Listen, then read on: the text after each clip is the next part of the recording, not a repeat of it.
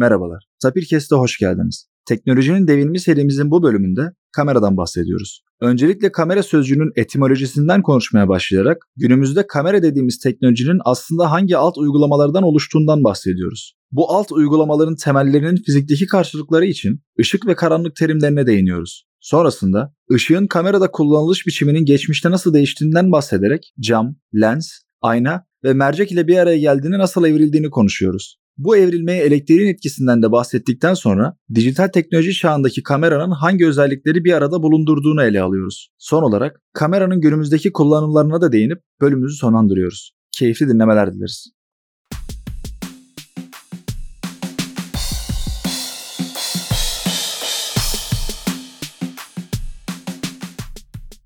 Sayın Hocam hoş geldiniz. Hoş bulduk Bahadır. Teknolojinin devinimi serimize kamera bölümümüze devam ediyoruz. Kamera dediğimizde aslında 3 tane ana yaptığı işten bahsediyoruz. Bunlardan bir tanesi fotoğraf, diğeri video kaydetme özelliği, üçüncüsü ise oynatıcı. Yani kameralı bir telefon satıyorum ya da kameralı bir telefon aldım dediğimde bu üçünün bir arada olduğu bir telefondan bahsediyor olmamız gerekiyor. Ama aslında günümüzde Türkçe'de kamera olarak kullandığımız şeyin hem İngilizce'de hem de bu kelimenin etimolojisine baktığımız zaman çok farklı şeylerde çok farklı alt anlamları var. Bununla alakalı kameranın etimolojisini ve bahsettiğimiz kelimelerin alt anlamlarını size sorarak başlamak istiyorum hocam.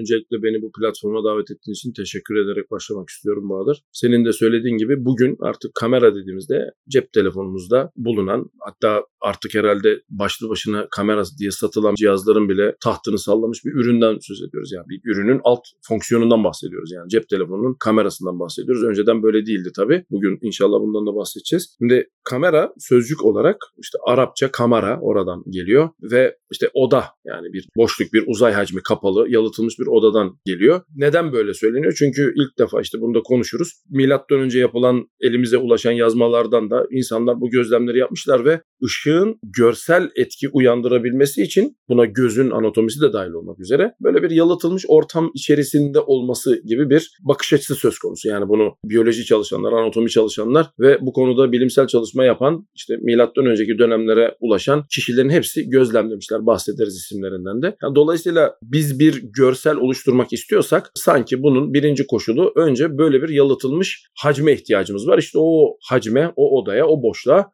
kamera, Arapçada kamera, işte İngilizce'de camera adı verilen sözcükle ifade ediyoruz. Dolayısıyla hayatına etimoloji buradan başlıyor ama senin de söylediğin gibi serinin de adını aldığı üzere bu zamanla deviniyor. Yani önce ışığın ne olduğunun anlaşılması, gözün nasıl çalıştığının bir şekilde insanlara aktarılmaya çalışılması ya da ortaya konan işte corpuscular teori dediğimiz şeylerin geçerliliğini yitirmesi ve bu konuda deneyler yapılması zamanla ışığın nasıl algılandığını da daha iyi anlamamızı sağlayarak aynı deney ortamının işte bir ışığı ufak bir bölgeden geçirerek o hacmin içerisine düşürdüğünüzde başına gelen şeyleri gözlemleyerek insanlar yavaş yavaş buna bazı eklentiler getiriyorlar, bazı kavram geniş genişlemeleri sunuyorlar. Bir arada zamanla ilerliyor ve işte günümüzde artık işte sayısal teknolojilerle beraber artık başlı başına bir fonksiyon olan şeyin cep telefonu gibi bir cihazın herhalde herkesin de olmadığı zaman kavga çıkardı. Ya o kamerada yok mu gibi söylediği bir alt fonksiyona dönüşüyor. Yani önceden başlı başına bir cihazken ki senin de girişte saydığın gibi 3 ana işlevi olan bugün bahsettiğimiz şey bir alt fonksiyondan bahsediyoruz bugün. Yani kamera dediğimiz şey cep telefonu kamerası senin az önce sözünü ettiğin işte 2000-2500 yıllık insanlık tarihinde çok çeşitli bilim insanlarının yıllarca kafa yorup bir araya getirdiği 3 alt fonksiyonun bir araya getirdiği bir alt modül olmuş oldu bugün. Dolayısıyla serinin de adına yaraşır bir şekilde teknolojik devinimi herhalde en dramatik sözcüklerden birisi kamera diye düşünüyorum Bahadır. Üç tane alt başlık üzerinde konuştuğumuz zaman aslında birinci alt başlık, en başta saydığımız alt başlık fotoğraf üzerine biraz da belki konuşmak gerekiyor. Şimdi bu kavramları birbirinden ayırt ederek konuşmak gerçekten zor. Çünkü fotoğraf dediğimizde direkt olarak şu anda karşımıza çıkan ya da benim en azından gözümün önüne gelen bu üç operasyonu bir arada yapmış bir cihazın çıktısı. Ama aslında fotoğraf sadece bir sahneyi kaydedebilmek. Tabii bu sahneyi kaydetmek için de sizin biraz önce söylediğiniz o temel kaynak ışıktan yararlanarak başlamış insanlar buna. Yani tarihteki birazdan bahsedeceğimiz farklı insanlar buna ışıktan yararlanarak ışığı farklı şekilde kullanarak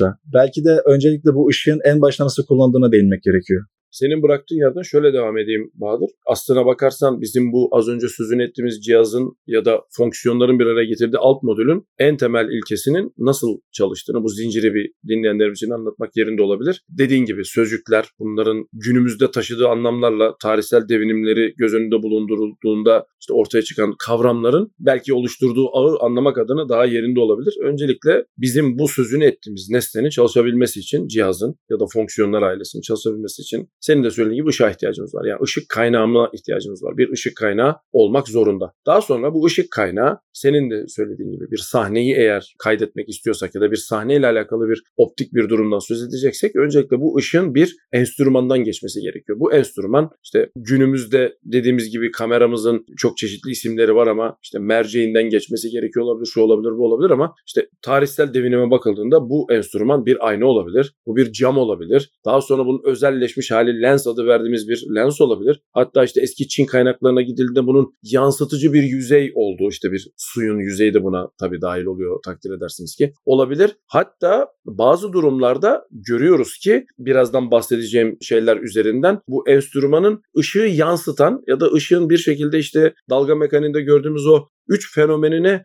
herhangi bir etki yaratan herhangi bir nesne de olabilir ama işte kabaca karşımıza çıkanlar bu bir ayna, bu bir lens, bu bir cam ya da işte bu bir yansıtıcı yüzey. Yansıtıcı yüzeyin sıvı ya da kat olmasının bir önemi yok. Buna ihtiyacınız var. Dolayısıyla bunlar kesinlikle olmak zorunda. Şimdi burada arada bir şey söylememiz gerekiyor. Çünkü teknolojinin deviniminde kameranın o birazdan bahsedeceğimiz asıl atıfta bulunan Latince ikinci kısmı olan obscura adı verilen yani karanlık kalmasını sağlayan bir sözcük de geliyor araya. Dolayısıyla az önce sözünü ettiğimiz enstrümanlara bir başka enstrüman daha ekliyoruz. Işığın yayılım ilkesi gereği orada bir nesnenin olduğu ve bizim bu nesnenin ışığı bloke etmesiyle arka tarafta oluşan karanlığa yani gölgeye de isim verdiğimiz bir durumu söz konusu. Çünkü bununla alakalı sanatlar ortaya çıkıyor. İşte gölge oyunları ya da işte kuklacılık gibi oyunlar ortaya çıkıyor. Sanatlar ortaya çıkıyor. Hatta işte bizim tarihimizde de işte Karagöz ile Hacivat gölge oyuncusu Şeyh Küşteri tamamen bunlar üzerine kurulu bir sistem. Yani ışığın mevcudiyeti zorunlu ancak bizim bununla ortaya çıkardığımız figürlerin, görsellerin ışık olarak olmasına gerek olmadığı bir de gölgelik kısmı var. Karanlık kısmı var. İşte o karanlık kısmına daha sonra bir araya getirip işte kamera obscura adını verdiğimiz karanlık oda kavramı ortaya çıkacak. Yani dinleyenlerimize şunu söylemek istiyoruz. Işık olmak zorunda ancak ortaya çıkarttığımız nesnenin ya da görselin bizim anlayacağımız şekilde bir fiziksel karşılığı olmasına gerek yok. Gölgenin kendisine de insan beyni yorum yapıp işte orada bir görsel var diyebiliyor ki teknolojinin deviniminde senin de fotoğraf adını verdiğin teknolojiye geldiğimizde ilk ortaya çıkan işte siyah beyaz resimdeki o siyahın karşılığı da aslında bu. Yani bizim ışığın mevcudiyetine ihtiyacımız var ama görseli oluşturabilmek için bazı durumlarda ışığın yokluğuna da ihtiyaç duyacağımız yerler olacak. Dolayısıyla camera obscura bize aslına bakarsan bu terimi bir araya getiren o fiziksel fenomeni söylüyor. Nedir o? Işık kaynağı olmak zorunda. Ancak sizin görseli oluşturabilmek için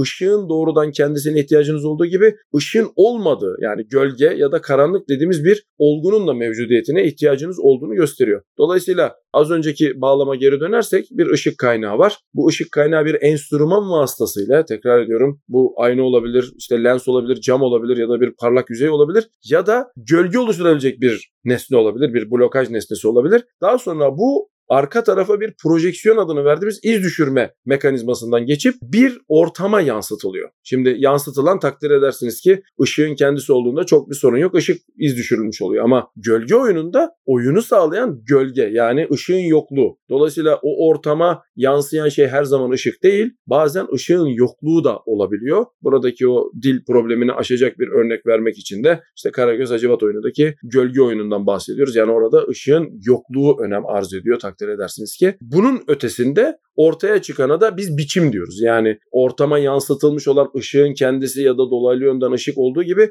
ışığın yokluğunun ortaya çıkardığı o tırnak içerisinde şeye de yavaş yavaş isimler vermeye başlıyoruz. İşte imge diyebiliyoruz. Eğer o ortam insan beyninin kendisi ise oradaki nörosinaptik bakış açısıyla bilincimizle buna imge diyoruz. İşte eğer bu bir tabloysa ya da bir tablonun üzerine yansıtılmışsa oradaki kimyasal dönüşümlerle ortaya çıkan figürlere resim diyoruz, boyama diyoruz ya da adına ne veriyorsak ya da az önce sözünü ettiğimiz gibi bir teknoloji kullanırsak yani özel bir yansıtma belki de bir kimyasaldan geçirdikten sonra ortaya çıkan şeye de filmin üzerine yansıtılmış fotoğraf diyoruz. Dolayısıyla elimizde artık bu var. Buraya nasıl geldik özetlersek bir ışık kaynağı. Işık kaynağı bir enstrümandan geçiyor. Enstrümandan geçtikten sonra bir ortama yansıtılıyor. Ortama yansıyan şey üzerinde oluşan biçimler artık bizim için senin az önce kullandığın terimle bir fotoğraf haline geliyor, bir resim haline geliyor ya da bir imge haline geliyor. Kamera bugün anladığımız anlamda işte bizim hep biraz daha betimleyici olsun diye video kamera dediğimiz ya da cep telefonumuzda bunun görüntüsünü aldın mı, bunu kaydettin mi dediğimizde bir ek özellik daha gündeme geliyor. Bunu arka arkaya sıralı bir şekilde fotoğrafları biriktirme yeteneği ve daha sonra da bunu aynı sırada belli bir hızda çalma yeteneğini gündeme getiriyor. Yani senin de girişte söylediğin o üç fonksiyondan son ikisi gördüğün gibi kaydetme ve sıralı bir şekilde şekilde oynatma, sıralı bir şekilde çalma adı veriyor. Dolayısıyla bugün kamera adını verdiğimiz cihazın teknolojik devinimi söz konusu olduğunda bu sürecin hemen hemen bütün adımları ilk başta fotoğrafa gelene kadar aynı olmak kaydıyla daha sonra ek fonksiyonlar olarak hep gündeme geliyor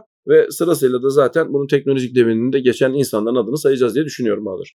Biraz önce hem ışıktan hem karanlıktan bahsettiniz. Yani bahsedilen o fotoğrafın ya da şu anda kameranın yaptığı iş dediğimiz işlevin en başta nasıl yapıldığını hem ışık üzerinden hem de hiç ışığın olmadığı bir karanlık üzerinden bahsettiniz. Hem ışığın hem de karanlığın bir arada olduğu o Gnomon'dan da bahsetmemiz gerekiyor. Anaximandros bölümümüzde bahsettiğimiz gibi. Şimdi Gnomon'u düşündüğümüz zaman yani güneş saatini düşündüğümüz zaman bir ışık kaynağı var hem o ışık kaynağının az önce söylediğiniz gibi bir enstrüman aracılığıyla, Gnomon adını verdiğimiz enstrüman aracılığıyla yansımasından yararlanıyoruz. Ama bize tam olarak gösterdiği şey yalnızca ışık kaynağından ortaya çıkan şey değil. Aynı zamanda ışık kaynağının ulaşamadığı yani bizim adına karanlık dediğimiz şeyde bize aslında Gnomon'un tam olarak çıktısını gösteren şey. Yani hem ışık hem de karanlık. Kamera fikrinin ve uygulamalarının tarihçesine değindikten sonra da ortaya atılan ilk kamerayı sormak istiyorum size.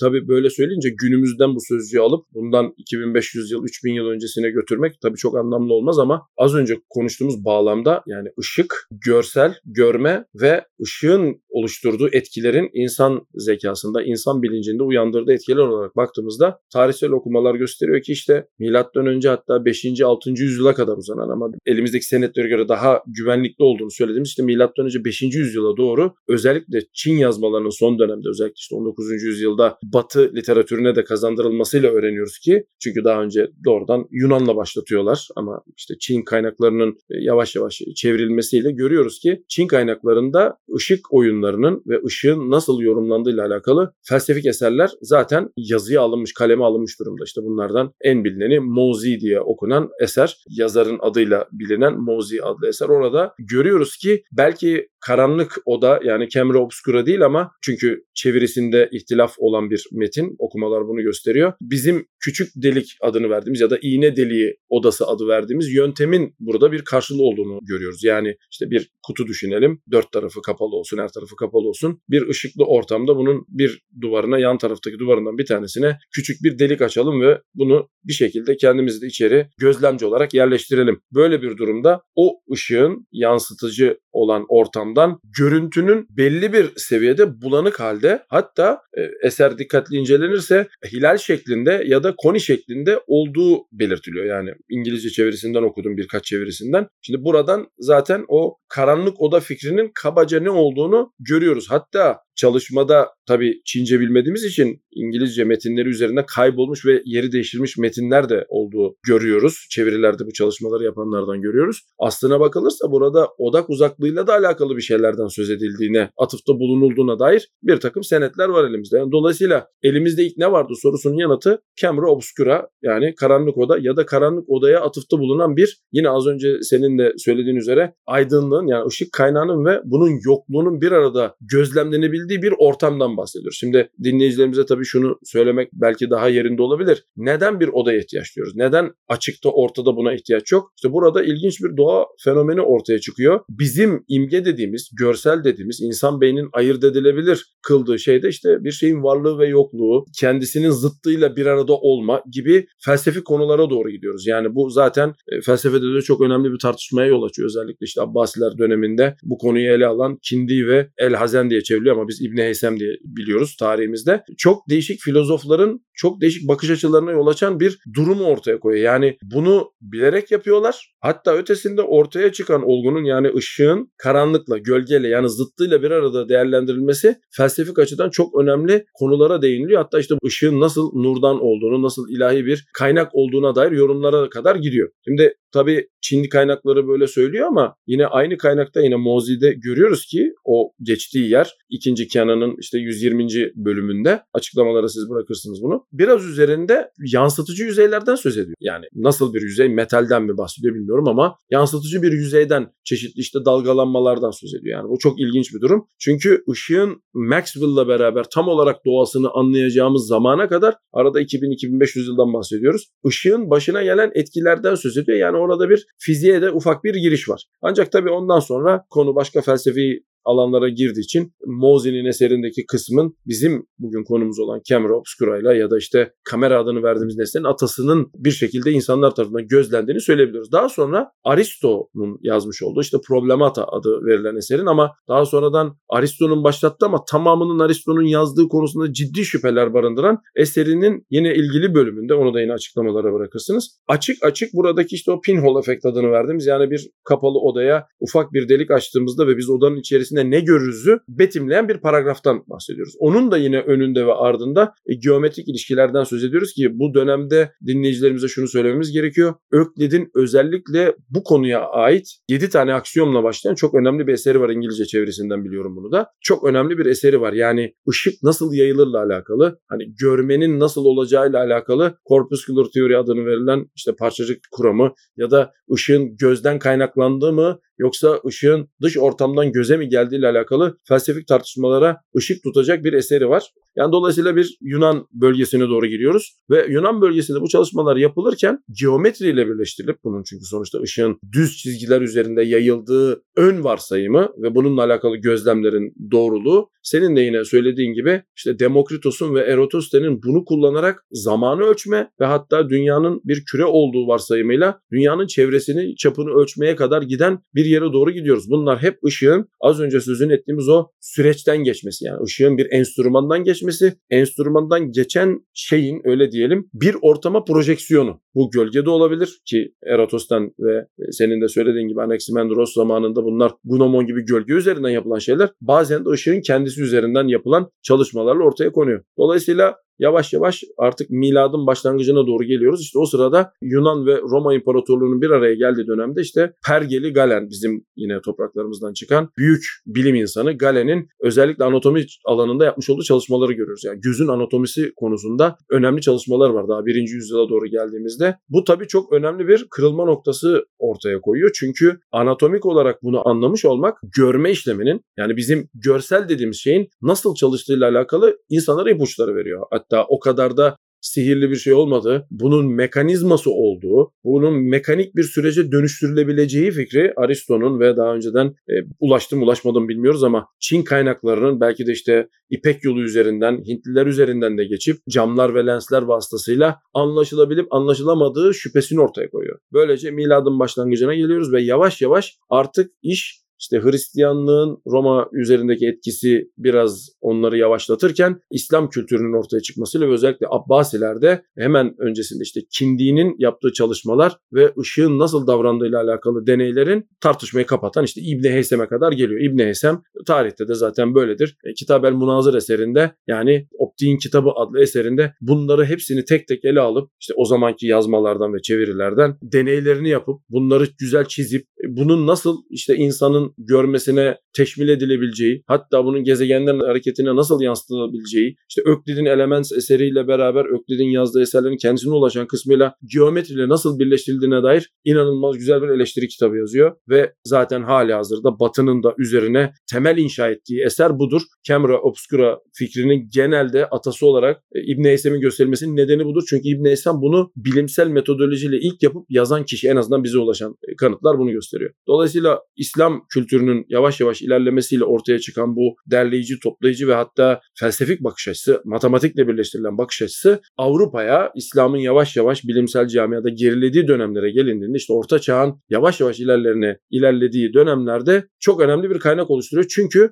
e, İbni Heysem'in eseri bütün her şeyi bir araya getiriyor. Yani bunun bir doğa olgusu olduğu, matematik diliyle yazıldığı, matematikle bir arada ilk getiren belki kendisi değil ama bunu çok güzel kullanan birisi olarak tek bir kitapta herkesin önüne koyan birisi olması Batı'nın işine geliyor. Bunu çevirdiklerinde deneme şansları oluyor, test etme şansları oluyor ve bir taraftan da özellikle işte Fransa'ya doğru geldiğinde, kıta Avrupa'sına gelindiğinde İbn Heysem'in de bahsettiği ama daha sonradan deneyini kabaca bizim bildiğimiz kadarıyla elimizdeki senetlerle Descartes'in ortaya koyduğu yavaş yavaş kırılım ve kırınım işleri ve spektruma doğru yönlendiğini görüyoruz. Yani artık ışığın parçalarından yani renklerinden bahsediyor oluyoruz. Yani bunun da artık ele alınması gereken bir olgu oldu. Yavaş yavaş kıta Avrupa'sının ortasına doğru geliyor. Dolayısıyla biz görme işleminde senin az önce parçaladığın o modüller içerisinde renk olgusunu da e, anlayabilir miyiz şeklinde bir bakış açısıyla gündeme geliyor. Ancak söylenen o ki Descartes'in çalışmaları bu noktada oldukça kısıtlı kalıyor ve ondan sonra büyük dev Sir Isaac Newton ortaya çıkıyor. Sir Isaac Newton işte zaten hepimizin bildiği o prizma deneyiyle camera obscura'yı rivayet odur ki kendi çalışma odasında diyelim ya da çalıştığı yerde günlerce bu deneyi yapıp mükemmel hale getirmeye çalışıp renklerin yani işte gün ışığının aslında renklerden oluştuğu daha temel şeylerden oluştuğu fikrini ortaya koyuyor. Ancak bu da tabii problemi tam olarak çözmüyor çünkü renkleri bilmek işte optiği bilmek ve bunun nasıl davrandığını bilmek çok başka bir mecraya sokuyor bizi. Çünkü Newton Optics adlı eserinde ilk defa spektrum sözcüğünü kullanan bildiğimiz kadarıyla bilim insanı. Yani konu yalnızca görmek ve görsel değil, konu az önce de sözünü ettiğim üzere bütün sürecin başındaki ışığı anlamak, ışığı anlamaktan geçiyor diyor Sir Isaac Newton. Yine bu çalışmalar bir taraftan devam ederken kıta Avrupa'sında özellikle Newton'ın oradaki spektrumu nasıl daha iyi görürüm, daha iyi anlarım diye uğraşırken cam teknolojisinin ilerlediğini görüyoruz. İşte karşımıza Fraunhofer'lar çıkıyor. Ve bu arada şunu da dinleyenlerimize söylememiz lazım. Teknolojinin buradan çıktığını söylemiyoruz. Burada ilerletildiğini söylüyoruz. Zaten serimizin adı da devinimi. Çünkü bildiğimiz kadarıyla özellikle Çin yazmalarından işte özellikle Mozi'den görüyoruz ki İpek yolu üzerinden yapılan transferlerde Hindistanlıların cam teknolojisine önemli katkıları olduğundan bahsediliyor. Yani bu metin olarak geçtiği için söylüyoruz. Ne katkısı yapıldığıyla alakalı çok ayrıntılı bilgimiz yok ama cam teknolojisi ve lens teknolojisi bizim bugün mercek adını verdiğimiz teknolojinin zaten milattan önce 5. yüzyıllarda 4. yüzyıllarda kullanılan şeyler olduğu biliniyor. Şimdi bu niye önemli? Kıta Avrupa'sında spektrum adını verdiğimiz Newton'un öncülüğüyle ışığın doğasını anlamaya yönelik çalışmalarda hassasiyetin önemi ortaya çıkıyor. Yani acaba o malzemeyi, o materyali daha iyi istediğimiz ölçüye getirebilir miyiz? İşte o yüzden kıta Avrupa'sında özellikle Fraunhofer'ın yaptığı çalışmalar mercek alanındaki teknikleri en önemli yerlere doğru taşıyorlar. Şimdi tabii burada yine sözünü etmemiz gereken bir şahıs daha var. Mercek teknolojisi özellikle Hollanda'ya doğru geldiğinde bunun genelde eğlence amaçlı kullanıldığını biliyoruz ve bir şekilde bir tarihsel senetler onu gösteriyor. Bir eğlence ortamında bu mercekler işte çocukların eğlenmesi için getirildiğinde Galile'nin bulunduğu yere ulaşıyor ve Galile merceği kullanarak bildiğimiz kadarıyla ilk defa gökyüzüne bakıyor ve ayı orada ayrıntılı bir biçimde, şaşkın bir biçimde çünkü daha önce yapan yok bildiğimiz kadarıyla ya da varsa da yazmaları elimize ulaşmıyor. Galile'nin ortaya koyduğu eserlerle bunu görüyoruz. Şimdi dolayısıyla Newton İngiltere'de Galile'den sonra olmak kaydıyla bu çalışmaları yapıyor ama mercek teknolojisinde kendince bir şeyler yapmaya çalışıyor. Ancak kıta Avrupa'sı mercek teknolojisinde çok ileri gidiyor ve bunu eğlence amaçlı kullanırken Newton'dan biraz önce Galile'ye ulaştırıyorlar ve tabii ki dinleyenleriniz bunu biliyorlardır. Bunu bir adım öteye götürüyor. Galile kendi teleskobunu yapıyor. Newton bunu tabii yaşadığı dönem ve bölge ve zaman itibariyle çok daha sonra görüyor. Galile'nin vefatından sonra doğuyor Newton. Newton'a ulaştığında zaten belli bir olgunluk seviyesine ulaşmış bir mercek teknolojisinden bahsediyoruz. Newton aynaları kullanarak Newton teleskobu adını verdiğimiz bir teleskopla bu konuyu daha da güzel hale getiriyor. Daha da hassas ölçümler yapabiliyor. Şimdi bunu niye bu kadar uzun uzadıya anlatıyoruz? Bizim bugün kamera dediğimiz şeyin çalışma ilkesi dikkat ederseniz hep aynı. Bir ışık kaynağı var. Bir enstrümandan geçiyor. Bu enstrüman kapalı bir ortamda işte Galile'nin teleskobu ya da Newton'un teleskobu bir kapalı ortam içerisine konuyor. Bu kapalı ortam içerisinden bir görüntü oluştururken Galile'de bu yok ama Newton'da var. Bir çukur ayna vasıtasıyla daha verimli hale hale getiriliyor ve daha sonra bu aynalar vasıtasıyla insan gözüne ulaştırılıyor ve görüntü adını verdiğimiz şey insan gözün içerisinde oluşturuluyor. Yani yine değişen bir şey yok. Sadece adına fotoğraf demiyoruz, imge diyoruz ya da görüntü diyoruz. Bu olay yavaş yavaş ilerlerken işte Galileo'nun ve Newton'un yapmış olduğu bilimsel atılımlar artık kıta Avrupa'sında bir taraftan da elektriğin etkisi ortaya çıkıyor. Yani işte özellikle Volta'nın yapmış olduğu çalışmalar ki tartışmalı bile olsa yani bugün kabul edilen gerçek odur.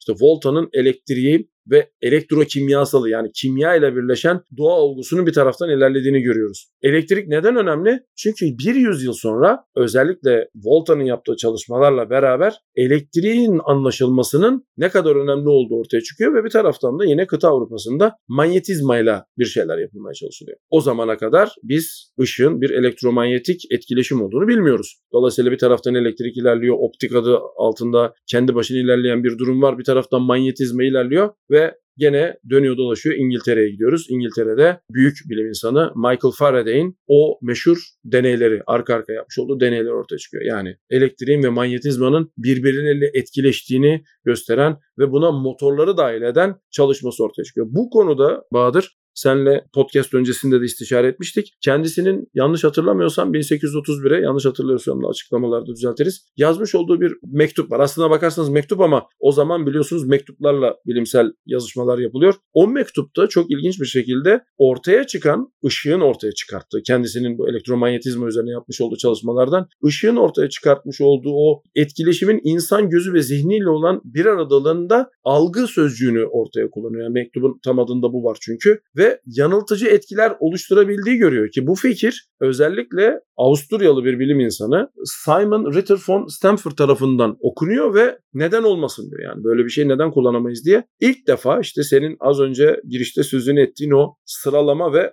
oynatma ilkesini acaba nasıl gündeme getiririz diye stroboskop adını verdiğimiz e, stroboskop etkisi adı altında da başlı başına işaretler ve sistemlerde konuştuğumuz bir fenomeni kullanarak hareketli görüntünün ilk defa ortaya çıkartan mekanizmanın atıldığını söylediler yıl 1830'lar. Şimdi burada şunu anlatmaya çalışıyorum. Kıta Avrupa'sında ve özellikle İngiltere'yi de dahil ettiğimiz kısımda bilimsel ilerlemenin kaç farklı koldan, kaç farklı bilim adamı tarafından varacağı yer bilinmeden farklı farklı biçimlerde ve zaman ölçeklerinde bir araya getirildiği ve insanların bunu nasıl alırım da bir adım öteye götürdüğü bir yerden bahsediyoruz. E takdir edersiniz ki burada ışığın daha nasıl davrandığını tam anlamamışken insanın algısı üzerine oluşturabilecek etkiyi nasıl manipüle ederiz diye yeni bir cihaz ortaya çıkıyor. İşte o stroboskop adını verdiğimiz şey. Daha sonra tabii bunun başka isimleri var Yunancadan gelen karşılıkları var ama kıta Avrupa'sında bu bilgi o kadar hızlı yayılıyor ki işte yine karşımıza yine mucit Thomas Alva Edison çıkıyor. Alva Edison acaba bütün bütün bunları bir araya getirebilir miyim diye bir düşünce içerisine giriyor ki bu noktada yine dinleyenlerimize şunu söylememiz lazım. Edison'ın bu sırada zaten patentini aldığı, almaya çalıştığı fonograf adını verdiğimiz bir teknoloji daha var. Yani insan sesini zaten kaydedip tekrar çalabildiğini insanlara gösteriyor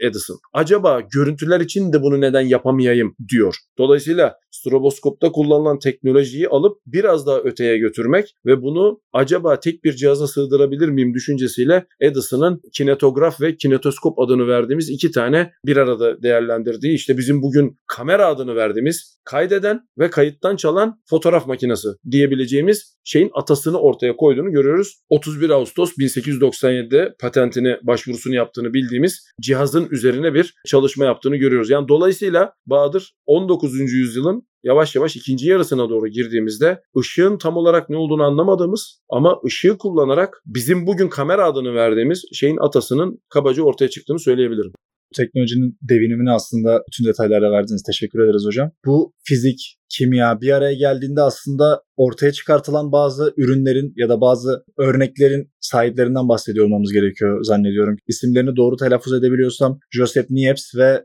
Louis Daguerre diye iki farklı kişinin hem fotoğraf hem de sizin biraz önce bahsettiğiniz o pinhole kamera ya da kamera obscura ile çekildiği ve farklı yerlerde sergilenen fotoğrafları var. Ama ben aslında şeyde dikkat çekmek istiyordum. Belki örneğin kronolojide çok uzak bir noktadan vereceğim ama biraz önce söylediğiniz gibi o pinhole ya da çukur aynanın hala günümüzde örneğin sinemalarda o yansıtıcının hala çukur ayna mantığının tamamen aynısı şeklinde çalışması ya da örneğin IMAX diye bir sinema var. Orada ekran oval yani kamera yukarıdaki projeksiyonda çok fazla bir değişiklik yok ama ekran oval ortada daha daha kaliteli bir deneyim sunan bir teknoloji. Yani aslında eski teknolojilerin ya da eskiden ortaya atılan, milattan önce farklı filozoflar tarafından ortaya atılan şeylerin fizikle bir araya gelip zaman içerisinde adını analogdan dijitale çevirdiğimiz şeylere dönüştüğünü fark ediyoruz yalnızca. Burada da örneğini verdiğimiz insanlarla beraber aslında 19. yüzyılın sonlarına doğru yaklaşıyoruz. Peki hocam 20. yüzyıla ya da 21. yüzyıldaki o şu anda kullandığımız teknolojilerin temellerine geçmeden önce bu 20. yüzyıl geçişinde yapabilir misiniz bizim için? Senin bıraktığın yerden devam edeceğim Bahadır. Hani teknolojinin o geçmiş dönemde kullanılandan çok da farklı olmadığını, evet yeni tekniklerle, yeni malzemelerle belki ama hemen hemen aynı olduğunu dinleyicilerimize aktarabilmek için herhalde herkesin de belki ortaokul yıllarından duyduğu, rivayet edilen ama tarihsel senetlerde de karşılığı olan bir şeyden bahsetmek istiyorum. Ya, o bilim insanının adını almazsak olmaz. İşte Arşimed'in meşhur Siraküs'ün Romalılar tarafından kuşatıldığında yapmış olduğu savunma işte Reagan adını verdikleri yani güneş ışığını gemileri yakmak için uzaktaki gemileri yakmak için çukur aynaları bir araya getirerek yapmış olduğu silahtan bahsedeceğiz. Şimdi bunun tabii bizim konumuzda ne alakası var? Şu alakası var. Az önce sözünü ettiğimiz mekanizma burada da çalışıyor. Dikkat ederseniz burada karanlık oda yok. O yüzden bu örneği vereceğim. Ama metodolojinin nasıl aynı olduğunu anlatmaya çalışacağım dinleyicilerimiz için. Işık kaynağı güneş. Siz bunu bir enstrümanla işte Arşimed'in örneğinde dev bir çukur aynayla yaptığını varsayalım. Çalışıp çalışmadığıyla alakalı rivayetler var ama hani elimizde bununla ilgili senetler olduğu için konuşmaya değer olduğunu düşünüyorum. Enstrümandan ışık geçiyor, odaklanıyor ve siz bunu bir ortama yansıtıyorsunuz. Doğrudan bir ortama yansıtıyorsunuz. Buradaki ortam gemi, tahtadan yapıldığı düşünülen gemi. Siz aslına bakarsanız enstrümandan geçtikten sonra özel bir projeksiyon yapıyorsunuz. Neden? Çünkü enstrüman iki işi bir arada yapıyor. Yani çukur aynanın temel özelliği bu. Yani ışığı topluyor ve topladığını odak mesafesine çok kuvvetli bir şekilde yansıtıyor. Eğer gemi odak mesafesindeyse zaten çok kuvvetli bir ışına maruz kaldığı için bu sefer de ortam olarak tahtayı seçmiş oluyoruz. Işığı biz odaklayıp o tahtanın üzerine yansıtıyoruz. Projekte ediyoruz. Tabi burada Arşimed'in bir resim çekme gibi bir kaygısı olduğunu düşünmüyorum ama çekilen resim aslına bakarsan yanan gemi olmuş oluyor. Yani yine aynı ilke kullanılıyor senin de söylediğin gibi. Yani günümüz projektörlerinde biraz içini açsak bizim laboratuvarımızda var birkaç tane. Yine içerisinde özel bir çukur ayna, özel bir mercek, bir ışık kaynağı. Bunlar zaten az önce sözünü ettiğimiz fenomenin zaten doğası gereği olması gereken şeyler. Şimdi bunu niye böyle söyledim? Senin de söylediğin yerde 20. yüzyıla geldiğimizde bu sözünü ettiğimiz olguda çok ilginç bir ayrıntı ortaya çıkıyor. Özellikle Maxwell 19. yüzyılda yani artık senin bıraktığın yerde 19. yüzyılın ikinci yarısına doğru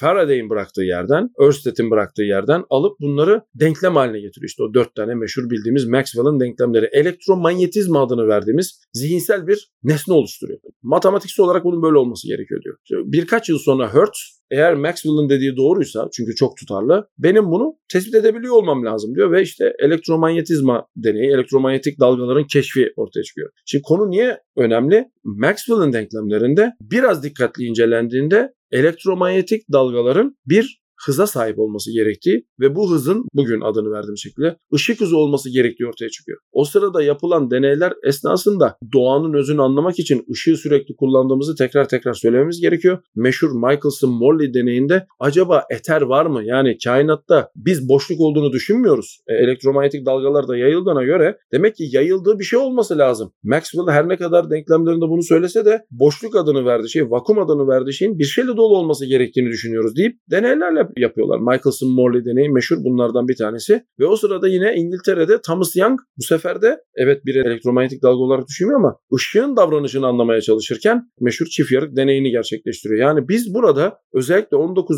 yüzyılın sonuna doğru 20. yüzyılın başına doğru ışığın ne olduğunu anlamaya çalışırken çok önemli şeyler keşfediyoruz. Ve bunlardan en önemlisi de Max Planck'ın özellikle Black Body Radiation adını verdiğimiz kara cisim ışıması adını verdiğimiz olguyu açıklamaya çalışırken bir taraftan Maxwell'ın dönemdaşı olan ve bu konuda atom adını verdiğimiz parçaların ya da işte bizim bugün adını atom dediğimiz şeylerin mevcudiyeti hakkında yorum yaptığı bir taraftan Rudolf Clausius'un bir taraftan Ludwig Boltzmann'ın felsefik tartışmalarıyla şekillenen bir dünyada karşımıza kara cisim ışımasını açıklayamadığımız ortaya çıkıyor ve Planck burada çok değişik bir adım atıyor. Diyor ki enerji kuantalar halinde yayılır, parçacıklar halinde yayılır ya da bizim bugün kuantum adını verdiğimiz şekilde yayılır ve birden kara cisim ışımasındaki o eğrideki tutarsızlık matematiksel bir mükemmellikle çözülebilir hale geliyor. Dinleyenlerimize çok sıkmamak adına kamerayla ne alakası var? Niye bunları bahsediyoruzu söylememiz lazım. Çünkü teknolojik devinimde bugün kamera adını verdiğimiz şeylerin çalışabilmesi için ortaya çıkan yarı iletken teknolojisinin atomların anlaşılması, atomların içerisinde de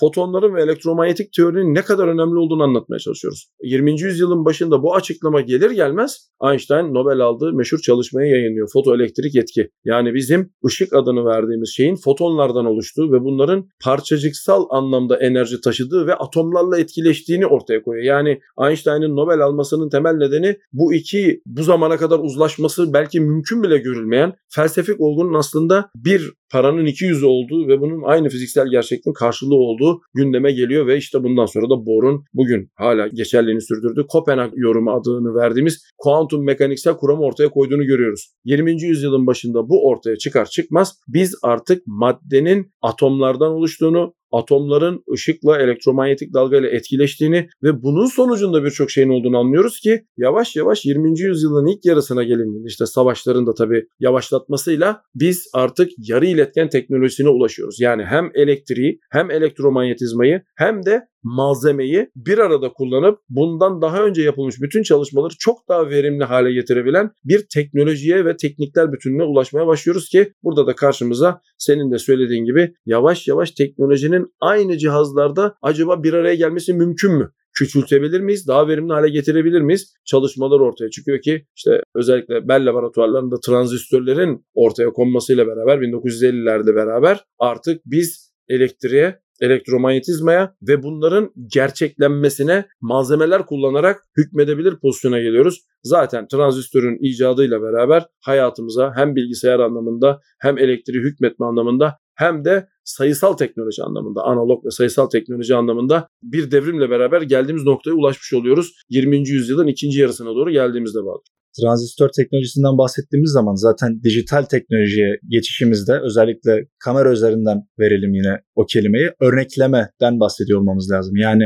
gerçek zamanlı bir şeyin bir şekilde kaydının alınıp gerçek zamanlı bir şeyin kaydının artık kesikli şekilde tutulması yani kamera dediğimizde de bunun artık piksel olarak isimlendirilmesi. Burada bu teknolojinin yetmiyor olması ve artık pikseller üzerinden bu dijital teknoloji üzerinden bazı değişiklikler yapılması. Örneğin ben küçükken video nasıl oluşturulur diye farklı farklı anlatımlar vardı. O stop motion teknolojisi ard arda çizilmiş en tane kağıdı böyle hızlı hızlı bırakarak aslında video oluşturuluyor. Animasyon dediğimiz şey aslında bu gibi e, örnekler veriliyordu. Zaten dijital teknoloji dediğimiz zaman da buna geçmiş oluyoruz diye tahmin ediyorum. Dijital teknolojiler üzerine konuştuğumuz zaman da sözü size bırakmak istiyorum.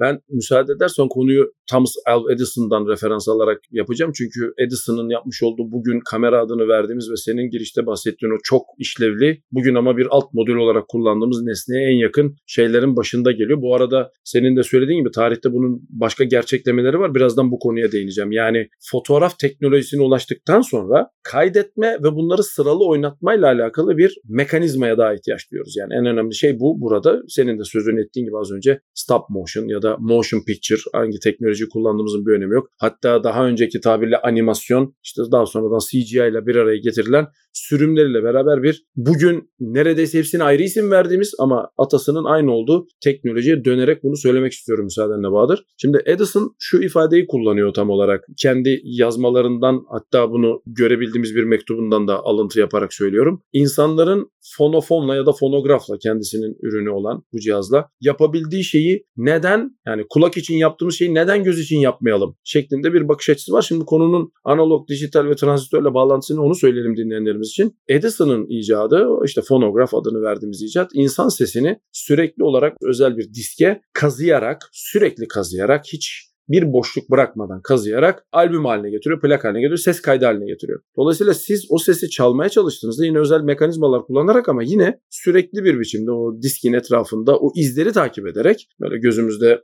dağların, tepelerin ve ovaların olduğunu düşünelim ve bir karıncanın oradan sürekli hareket ettiğini düşünelim. Bu hızlı düzgün ayarlandığında sesin tamamen aynı biçimde hatta biz bugün biliyoruz ki olası en iyi şekilde eğer başka bir gürültü kaynağı ve girişim kaynağı yoksa olası en iyi şekilde kaydedilebildiği bir cihazdan bahsediyor Edison. Şimdi transistör, örnekleme ve dijital teknoloji nerede giriyor devreye? Bu sözünü ettiğimiz teknolojinin en temel açmazı şu. Eğer başına bir iş gelirse bu plan çizilirse veyahut da benzeri şeyler olursa geri dönüşü yok. Çünkü o dağı ortadan kaldırdığınızda karıncanın bir başka dağa geçebilmesi için bir vadiden geçmesi gerekiyor ama vadi gerçeğiyle hiç alakası olmayan bir şey. Dolayısıyla dijital teknolojinin bize sağladığı en önemli şey reconstruction adını verdiğimiz yani yeniden oluşturma. Hatırlarsanız bölümümüzün başında şunu söylemiştik. Işık bir enstrümandan geçtikten sonra bir projeksiyona uğrayıp bir ortamda biçim halini halini alır ve biz bu biçim halini daha sonra tekrar oluştururuz da biz ona görsel adını veririz demiştik. İşte burada reconstruction yani yeniden oluşturma o yüzden çok önem arz ediyor. Dijital teknoloji vasıtasıyla transistörlerin açmış olduğu yoldan gidildiğinde kayıt dediğimiz yani kameranın o kayıt işlevinde öyle bir şekilde kaydediyoruz ki orada başına bir işler geldiğinde özel teknikler kullanarak örnekleme kuramı ve kodlama kuramı vasıtasıyla işte Shannon'ın bilgi kuramı dahilinde geri dönme neredeyse mükemmel ya da mükemmele yakın ya da mükemmele yakın olmadığı durumunda da tamamen o medyayı, o ortamı atmak zorunda kaldığınız bir yere karşılık geliyorsunuz. Hatta bunun işte çağdaş dönemdeki en güzel örneği bir USB belleğiniz bozulduğunda kısmi olarak okuma çok zor bir şeydir. Yani genelde çöpe atıyorsunuz onu. Neden? İşte az önce sözünü ettiğimiz şeyden ama kısmi olarak bozulursa siz USB arayüzünde zaten onun bozulduğunu görmüyorsunuz. İçerisindeki teknik o bozulmayı düzeltip size gösteriyor. Siz oradaki bozulmanın farkına varmıyorsunuz. Dolayısıyla Edison'dan aldığımız analog ve dijital dönüşüm işte transistörlerin açtığı kapıdan geçerken bize getirdiği en büyük avantaj bu oluyor. Biz artık neredeyse kusursuz senin sözcüğünle tasvir edebiliyoruz fiziksel gerçekliği ve bu fiziksel gerçekliği kaydedebiliyoruz.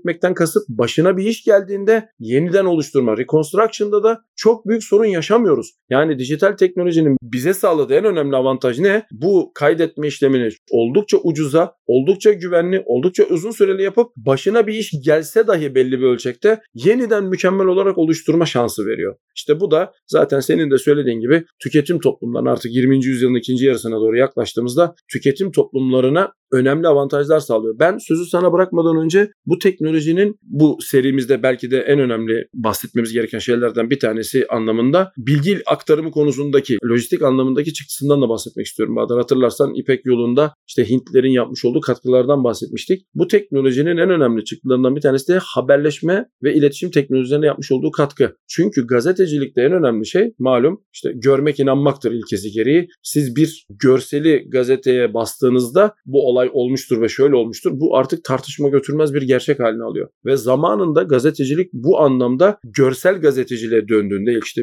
19. yüzyılın sonlarına doğru 20. yüzyılın başlarına doğru gazetecilik de artık yeni teknolojilerle ilerlediğinde çok büyük bir problem. Neden? Çünkü o resmi çekmek, o resmi çektikten sonra yayına koymak, çeşitli işte kimyasalların tepki hızları şu bu düşünüldüğünde oldukça zaman alan ve meşakkatli bir süreç. Ancak günümüz itibariyle herhalde herkes görüyordur. Cep telefonundan sesi kaydedebiliyorsun. Cep telefonu telefonundan görseli alabiliyorsun. Cep telefonundan videoyu kaydedip haberleşme teknolojisi vasıtasıyla neredeyse anında insanların sosyal mecralar üzerinden bilgi alabildiği bir yere gidiyoruz ve bu noktada transistörle açılan yolda dijital teknolojinin bu işleri ne kadar hızlandırdığını da dinleyicilerimizle paylaşmamız gerekiyor. Yani kamera adını verdiğimiz teknoloji günümüzdeki haliyle biraz işte 50-60 yıl geriye aldığımızda sayısal teknolojiyle birleşip hala kamera adını veriyoruz ama anlamı genişliyor. Başka tekniklere de başka iş alanlarına da nasıl pozitif etki yarattığında dinleyicilerimizle paylaşmak istedim Bahadır. Baştan itibaren bu kameranın sürecini neredeyse belki birkaç nokta atlamışızdır ama tamamen incelediğimizi düşünüyorum. Hatta şuna da değinmek istiyorum hocam. Yani dijital teknoloji dediğimiz 1960'da 70'te artık biraz daha kendisini sahada gördüğümüz şey ama bu geçtiğimiz 60-70 yılda çünkü hani milattan önce 500'e kadar bahsettik şu anda podcast'ın başına itibaren ve son 60-70 yılda o kadar ilerlemiş seviyede ki yani önceden eski teknolojilere baktığımız zaman şimdi yapılan şeyler belki mümkün dahi değildi o bahsettiğimiz transistör gibi devre elemanların devreye alınmasından evvel ama şimdiki duruma baktığımız zaman da artık sadece fotoğraf değil ya da sadece kameranın telefonda yaptığı şeyler değil, sarmalayan teknolojiler adını verdiğimiz AR, VR hatta bundan kısa bir zaman önce çıkmış Apple'ın Vision Pro ürünü. Yani aslında yine biraz önce bahsettiğiniz yere denk geliyoruz. İnsanın algısı para kazanmak adına ya da bu teknolojiyi kullanmak adına nasıl değişebilir ya da bu algı nasıl manipüle edilebilir ki sonucu eğlence veya bilgiyle sonuçlansın. Tabii bu teknolojilerden bahsettiğimiz zaman bu teknolojilerin sadece dünyamızda sınırlı kalmadığından da bahsetmek gerekiyor hocam. Burada sözü yine size bırakmak istiyorum çok güzel bir yere getirdim Bahadır. İşte artırılmış gerçeklik ya da senin de söylediğin gibi çeşitli artık bilgi amaçlı ya da bilgi eğlence sistemlerinde neredeyse vazgeçilmez bir parçası olan kameraların günümüz anlamıyla kameraların gezegenimizin dışında hatta güneş sistemimizin dışına doğru giden cihazların işte Voyager'ın üzerinde de bulunduğunu ve hala bize bilgi aktardıklarını bunlar vasıtasıyla güneş sistemimiz içerisinde ya da güneş sistemimiz dışarısında gök adamımız içerisinde hayat aradığını, bize benzeyen gezegenler olup olmadığını, öte gezegen adı verilen şeyleri aradığını, bunları değerlendirerek bu verileri kullanarak işte Andromeda'da ya da en yakın başka yıldızda neler olduğunu, kara deliklerin nasıl davrandığını, kainatımızın, evrenimizin nasıl başladığını ya da ne kadar büyük olduğunu anlamaya çalışıyoruz. Yani kamera adını verdiğimiz şey şu an bugün itibariyle senin de söylediğin gibi yalnızca dünyamızda bilgi eğlence amacıyla ya da işte cep telefonumuzdaki bir fonksiyonalite olarak değil ama kainatı anlamaya yönelik en önemli enstrümanlarımızın neredeyse başında geldiğini ya da bunlar arasında kesinlikle ilk beşte yer aldığını söyleyerek sözlerime son vermek istiyorum Bahadır. Çok teşekkür ederim hocam katıldığınız için. Ben teşekkür ederim bana bu fırsatı verdiğiniz için. Teknolojinin devinimi serimizde kamera bölümümüzün sonuna geldik. Tapir Kes'in yeni bölümlerinde görüşmek üzere. Herkese iyi haftalar dilerim.